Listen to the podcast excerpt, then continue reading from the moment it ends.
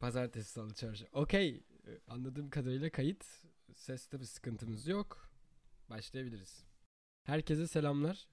Benim çekip çekebileceğim en özel bölümlerden birine hoş geldiniz. Öncelikle böyle söyleyeyim yani. Bölümün ilk 100 kelimesini yazıyordum falan ee, böyle. Sonra dedim ki bir dakika ya 28 yıllık deneyimin yazamazsın yani. Bunu spontane yapıyor olman lazım. Yazmayı bırakıp direkt mikrofonu elime aldım ve kayda başladım. Akşam Mahmut Orhan geliyor arkadaşlar Toronto'ya. Bizim için şaşırtıcı e, ve ilginç bir etkinlik. Mahmut Orhan'ın küçük klipleri çıkıyor ya. Ben şimdi şarkılarının tamamını dinleyemiyorum. Yani ne bilmiyorum yani. Benim sürekli dinlediğim bir tarz değil. Ama o kesitler çok hoşuma gidiyordu. Böyle hazırda görmüşken alalım dedik. Bir de gittiği yer Liberty Village'da. Grand Bazaar diye bir kulübe çıkıyor ve bizim evimize yaklaşık 430 metre falan yani bir arkamızda. Dedik gidelim abi. Birazdan oraya gideceğiz. Muhtemelen yayınlandığı sırada bu bölüm. Ben o sırada Mahmut Orhan'da olacağım. Ama şöyle bir şey var. Bunu önümüzdeki bölümde konuşacağım. Şu an sadece açılışını yapıyorum. Biraz kendimizi puşluyoruz e, bu konuda. Çok garip yani. Bilmiyorum bunu yaşayanlarınız var mı ama. Yani mesela içmeye başladık erkenden. Şunu düşünüyorum yani bir yerde eğlenmek için içmen gerekiyorsa o yerde gerçekten eğleniyor musun acaba? bunu düşünüyorum sabahtan beri.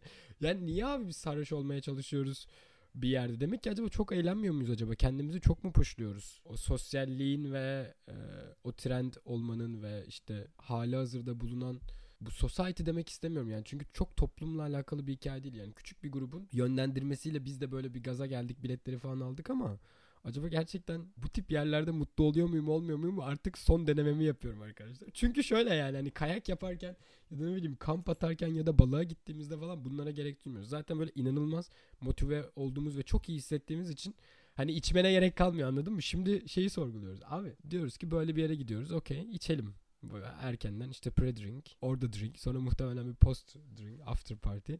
Bu kadar içmemiz gerekiyorsa e, neden ayık kafayla çekilemiyor? Acaba gerçekten içten içe çok da sevmiyor muyuz? E, sorgusunu size cevabını önümüzdeki bölümde haftaya vereceğim. Konserle ilgili dönütümü, bana olan yansımalarını anlatacağım. Parantezi kapatıyorum. Bölümün asıl amacına, e, neden bu bölümü çektiğime dair hikayeye geri dönüyorum. Size birinden bahsetmek istiyorum. Benim idolüm ee, özellikle sevgi anlayışı, hayata bakış açısı, söylediğini yapma becerisi konusunda gerçekten dünyada çok az insan örnek alırım. Çok az insanı gerçekten değerli görürüm yani. Herkesin yani kimse mükemmel değil zaten onu geçiyoruz ama her insanın olumlu ya da olumsuz özellikleri vardır. Olumlu özelliklerini alabildiğim insanlar benim için çok değerlidir. Olumsuz özelliklerini de tolere edebilecek kadar seviyorsam bu insanları zaten orada çok değerli bir iletişim vardır. Şimdi bahsetmek istediğim kişi şöyle bir adam. Benim sevgi anlayışını kendime örnek aldığım, hırsını, dünyaya bakış açısını örnek aldığım, onun gibi bir baba olmak istediğim bir adam. 816 gün önce, 816'yı çok net biliyorum. Çünkü dün teyit etmek için aradım ve sordum. 815 gündü dün. 816 gün önce ben babamla bir anlaşma yapmıştım. Ona sadece böyle laf arasında dedim ki siz Kanada'ya gelmek istiyorsunuz. Ben de sizi getirmek istiyorum. E, belli bir süreliğine de olsa. Ama ben o sırada çalışacağım için siz çok İngilizceniz yok ve nasıl idare edersiniz bilmiyorum. Bundan dolayı biraz çekiniyorum, korkuyorum demiştim. O zaman ben çalışmaya başlayayım demişti bu adam bana. 816 gün önce arkadaşlar. Ve Duolingo indirmişti o gün. Dün 815. gününü doldurmuş Duolingo'da Strike. Yani bayağı bir gün bile düşünebiliyor musunuz? Yani 815 gün boyunca ne olursa olsun.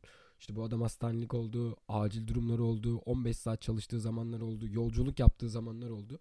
Bir kere bile ara vermedi çünkü bundan 815 gün önce bana demişti ki tamam ben e, bu kısmını ben hallediyorum. Ben İngilizce öğreneceğim. Annenle bizi idare edecek kadar İngilizce öğreneceğim. Şu an geldiğimiz noktada arada arıyorum babamı. Bana diyor ki hi how are you işte how you doing falan ve konuşmaya başladı. Bu beni o kadar heyecanlandırdı ki çünkü ben bile bunu örnek alarak ben bile denedim başladım işte Fransızca öğrenmeye çalışıyorum. Tabii ki Duolingo'da öğrenmezsiniz bu arada. Eğer İngilizce öğrenmeye çalışanlarınız varsa aranızda henüz bilmeyenler. Ee, o sadece başlangıç için yani o en azından sizin gündelik hayatınızda çok kısıtlı bir alanı idare edebilmenizi sağlayacak. Kelime bilginizi geliştirir. Cümle kurmanıza biraz yardımcı olur. Tabii ki yeterli değil ama azimli bir insanın oğlu olmaktan gurur duyuyorum.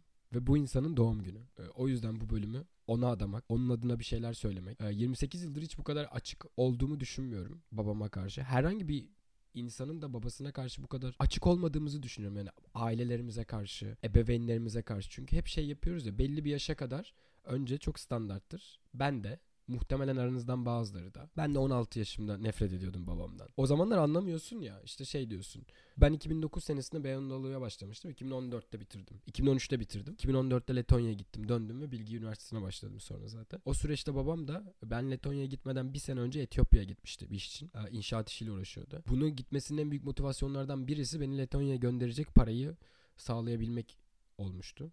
Hiç unutmam. Ve yani o zamanlar şey diyorsun. Bunu bilmene rağmen ergensin ve isyankarsın. Dünyaya kızgınsın falan. Yeterli değil çünkü sana. Yeterli gelmiyor.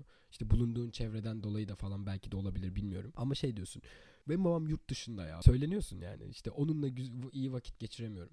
Ama dönüp baktığımda 28 yaşındayım şu an bundan 12 yıl öncesinin hikayesini kapattığımda ne kadar büyük bir fedakarlık olduğunu ben 10.700 kilometre öteden podcast yaparken çok da iyi anlıyorum. Ailelerimizin yaptığı fedakarlıkları hiç küçümsemememiz gerektiğini düşünüyorum. Annelerimizin ve babalarımızın ya da bize anne ve babalık yapan kim varsa bu insanların yaptıkları fedakarlıkları zaman geçtikçe daha iyi anlıyoruz. O yüzden bir gün baba olursam bir aile kurarsam kesinlikle babam gibi bir adam olmak istiyorum. Buradan bunu e, ilan ediyorum. Mehmet Yüksel e, yarın dinliyor olacaksın. Her şeyi anında anlamıyoruz. Anlamadığımız için o anki koşullar işimize gelmediği için genelde sinirleniyoruz. Ebeveynlerimize sinirleniyoruz. Çevremize sinirleniyoruz. Çünkü bize göre en haklı biziz. Çevremizdeki her şey zaten ve herkes yan rollerdeler ya aslında kendi hikayemizin başrolündeyiz ama kendi hikayemizin başrolünde olurken o empati yeteneğimizi gittikçe kaybediyoruz. Kendimize göre bazı olayları tartarken ve bu noktada işte şuna dikkat etmek gerekiyor. Fazla kaybedersen o yeteneği sonra geri dönülemeyecek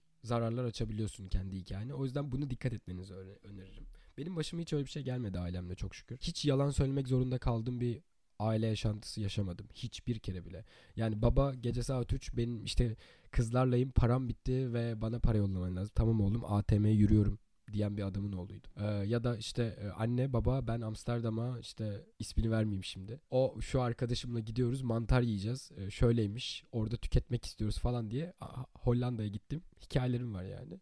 O yüzden yalan söylemek zorunda kalmadığımız aileler temenni ediyorum. Yani şöyle düşünün. Ben yalan söylemediğim, hiçbir zaman yalanın olmadığı bir aileden geliyorum. Yani en azından aileme yalan söylemek zorunda hiç kalmadım. Ee, zamanla yaptığım bokları da anlattığım, işte kullandığım şeyleri, takıldığım yerleri vesaire bir sürü bir sürü şey. O deneyimlediğim her şeye hakimler. Ama bu noktada şunu fark ettim. Asıl gelmek istediğim nokta. Zamanında neye kızıyorsak, neyden çekiniyorsak yavaş yavaş ona benziyoruz.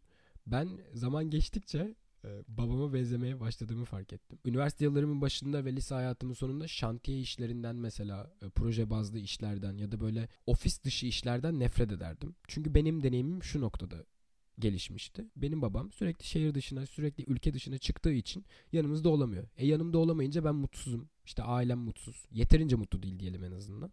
O yüzden böyle bir işleri hayatım boyunca yapmayacağım. Bana hitap etmiyor. Ben işte 9-5 çalışacağım. Ofiste çalışacağım. Plaza insanı olacağım. Buna odaklanacağım. İşte şöyle yapacağım, böyle yapacağım falan diyordum. Ama öyle olmuyormuş. Geldiğim noktada işimin en büyük temeli seyahat ve projeye dayanıyor. Çünkü proje kaynaklı bir iş yapıyoruz yani. Projeden projeye, şantiyeden şantiye, özelleştirilmiş bir alanda çalıştığım için yeri geliyor Newfoundland'e, işte yeri geliyor Montreal'e, yeri geliyor Hamilton'a vesaire. Sürekli seyahat halindeyim ve bazen 2 ay, bazen 10 gün, bazen 3 gün değişiyor yani projeye göre, şantiyeye göre. Ve ben bundan nefret ediyordum. Yani öyle olduğunu zannediyordum. Ama yavaş yavaş babama benzediğimi fark ettim. Ve başlarda bundan çok korkmuştum. Bundan birkaç sene önce bunu yavaş yavaş fark ediyordum artık yani. Şimdi çok gurur duyduğum bir olaya dönüştü bu hikaye. Üstüne üstlük babama dönüşmekten de keyif aldığımın farkına vardım. Çünkü önümde bir örnek var. Hatalarıyla ya da doğrularıyla. Hani onun iyi yanlarını alıp gerçekten de o işte hata yaptığını düşündüğün yerlerde yontabileceğin süper bir idol sana. Devam et buradan şeklinde bir hikaye dönüştü. Ee, büyüme ve gelişme bazında. Ve bu adamın doğum günü işte bugün 26 Kasım 1965'te doğmuş ve iyi ki doğmuş. İyi ki gerçekten beni yetiştiren ebeveynlerin bir tanesi o olmuş. Çok mutluyum yani bu ebeveynlerin oğlu olduğum için. Bu insanların oğlu olduğum için. Muhtemelen hepinizin ailelerinde iyisiyle kötüsüyle bir sürü hikaye vardır. Siz de anlatmak isteseniz anlatabilirsiniz. Ama ben şuna inanıyorum arkadaşlar. Ne olursa olsun babalık müessesesi çok müthiş bir sorumluluk. Omuzlarınızda, omuzlarımızda inanılmaz bir yük. Hepimizin çok korktuğu bir yük. Ee, zaman zaman bu hikayeler açıldığında ya da bununla ilgili gelecek planları sorulduğunda gerçekten gerildiğimiz e, bir yük. Bunu başarmak ve doğru bir insan yetiştirmek de çok kolay değil. Düşünsenize birini dünyaya getiriyorsunuz. Doğru bir insan olması için sizin de kendinizin doğru bir insan olması lazım. O konuda çok şanslıyım. Çünkü ben bir kere bile adaletsiz bir durumla karşılaşmadım aile tarafında. Babam hiçbir zaman AKP'ye oy vermedi falan diyor. Bu da önemli bir detay. Hep CHP'de çalıştı seçmen kütüğünde hep ona bastı falan. Gönüllülük yaptık beraber babamla. Yani şu mesela böyle bir hikayesi var adamın. Ee, hangi seçimde hatırlamıyorum. Ben Kanada'ya gelmeden hemen önceki olabilir. İşte ikimiz farklı okullarda görev alıyoruz. Adam kalp hastası yani. Hani bundan yıllar önce aort damarından ameliyat oldu falan işte tansiyon hastası ilaç kullanıyor. Bu adam gecenin 11.30'unda çuvalın üstünde. Bu adamdan haber alamadık bütün gün. En son 11.30'da mı 12'ye doğru mu ne haber aldık işte ilçeye gitmiş. Çuvalla beraber çuvalın üstünden bize haber veriyor. Ben iyiyim oylar güvenle falan diye. Böyle bir adamın oğlu olmaktan gurur duyuyorum arkadaşlar. Yani benim hayata bakış açım tabii ki babamla %100 aynı değil ama adalet anlayışımız, sevgi anlayışımız, eşitlik anlayışımız, benim gerçekten etik bulduğum her şeyin onun nezdinde de bir karşılığı olduğunu bilmek bana müthiş hissettiriyor. O yüzden her şeyi açık açık anlatabildiğimi farkına vardım. Bunu sadece ebeveynlerimizle değil ama işte partnerlerimizle, arkadaşlarımızla da yapabildiğimiz noktada zaten çok iyi bir çevremiz ve çok güvendiğimiz insanlardan kurulu bir düzenimiz oluyor ya.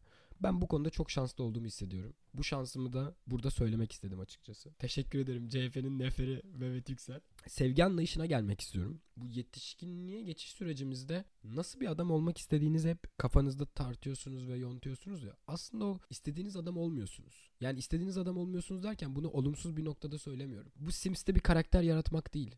Bunun arkasında 28 yıllık, 27 yıllık artık hangi yaşta biraz bunların farkına varıyorsunuz. Geçmişiniz yaşadığınız deneyimler, aileden aldığınız eğitimler bunların hepsi yoğrulup sizi yontup şu anki adam haline dönüştürüyor. O yüzden ailemizden aldığımız eğitim çok önemli oluyor. O yüzden babamızın hayata bakış açısı ve sevgi anlayışı, sevgiyi verme şekli bizi çok şekillendiriyor. Bu noktada ben şunu gördüm. Benim sevgi anlayışım biraz belli bir noktaya gelene kadar asla umursamama ama umursamaya başladığım andan itibaren de ne olursa olsun kanımın son damlasına kadar toleranslı olabilmeyi başarabilmek üzerine kurulu yani. İnanın nereye bağlayacağımı unuttum. Yani yazmayınca da spontane olunca da böyle oluyor ama ama kaydı durdurmayacağım. Yani bu kaydı yapacağım.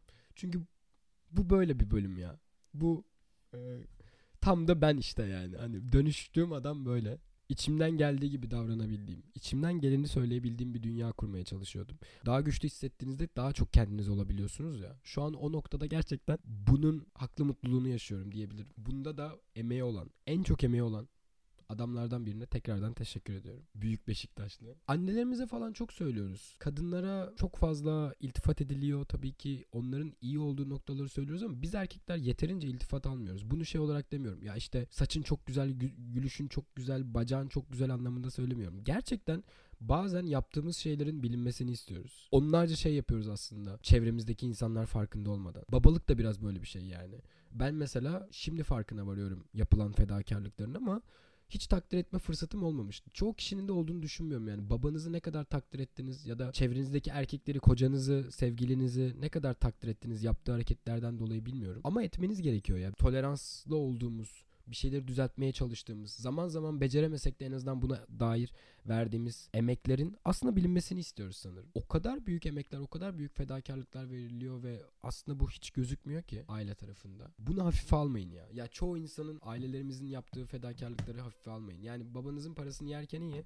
İşte kızla buluşacağım bana 500 lira at derken iyi ama o 500 lirayı nasıl kazanıyor? Kime neler söylüyor? Kimin ne kadar çekmek zorunda kalıyor? Bunu bilmiyoruz. En azından anlamaya çalışabilirsiniz. O emeğin, o fedakarlığın, o dik duruşun ne kadar önemli olduğunu farkındayım. Umarım da gerçekten bir gün babam gibi olur ve onun gibi bir baba olurum. İyi ki doğmuşsun baba. Nice mutlu yıllara. Umarım çok çok güzel daha yılların daha yaşların olur ve çok daha fazla maceraya atılırız beraber. Daha fazla kendine vakit ayırabildiğin, kendin için de bir şeyler yapabildiğin e, hayat e, senin olur. En güzeli senin olur umarım.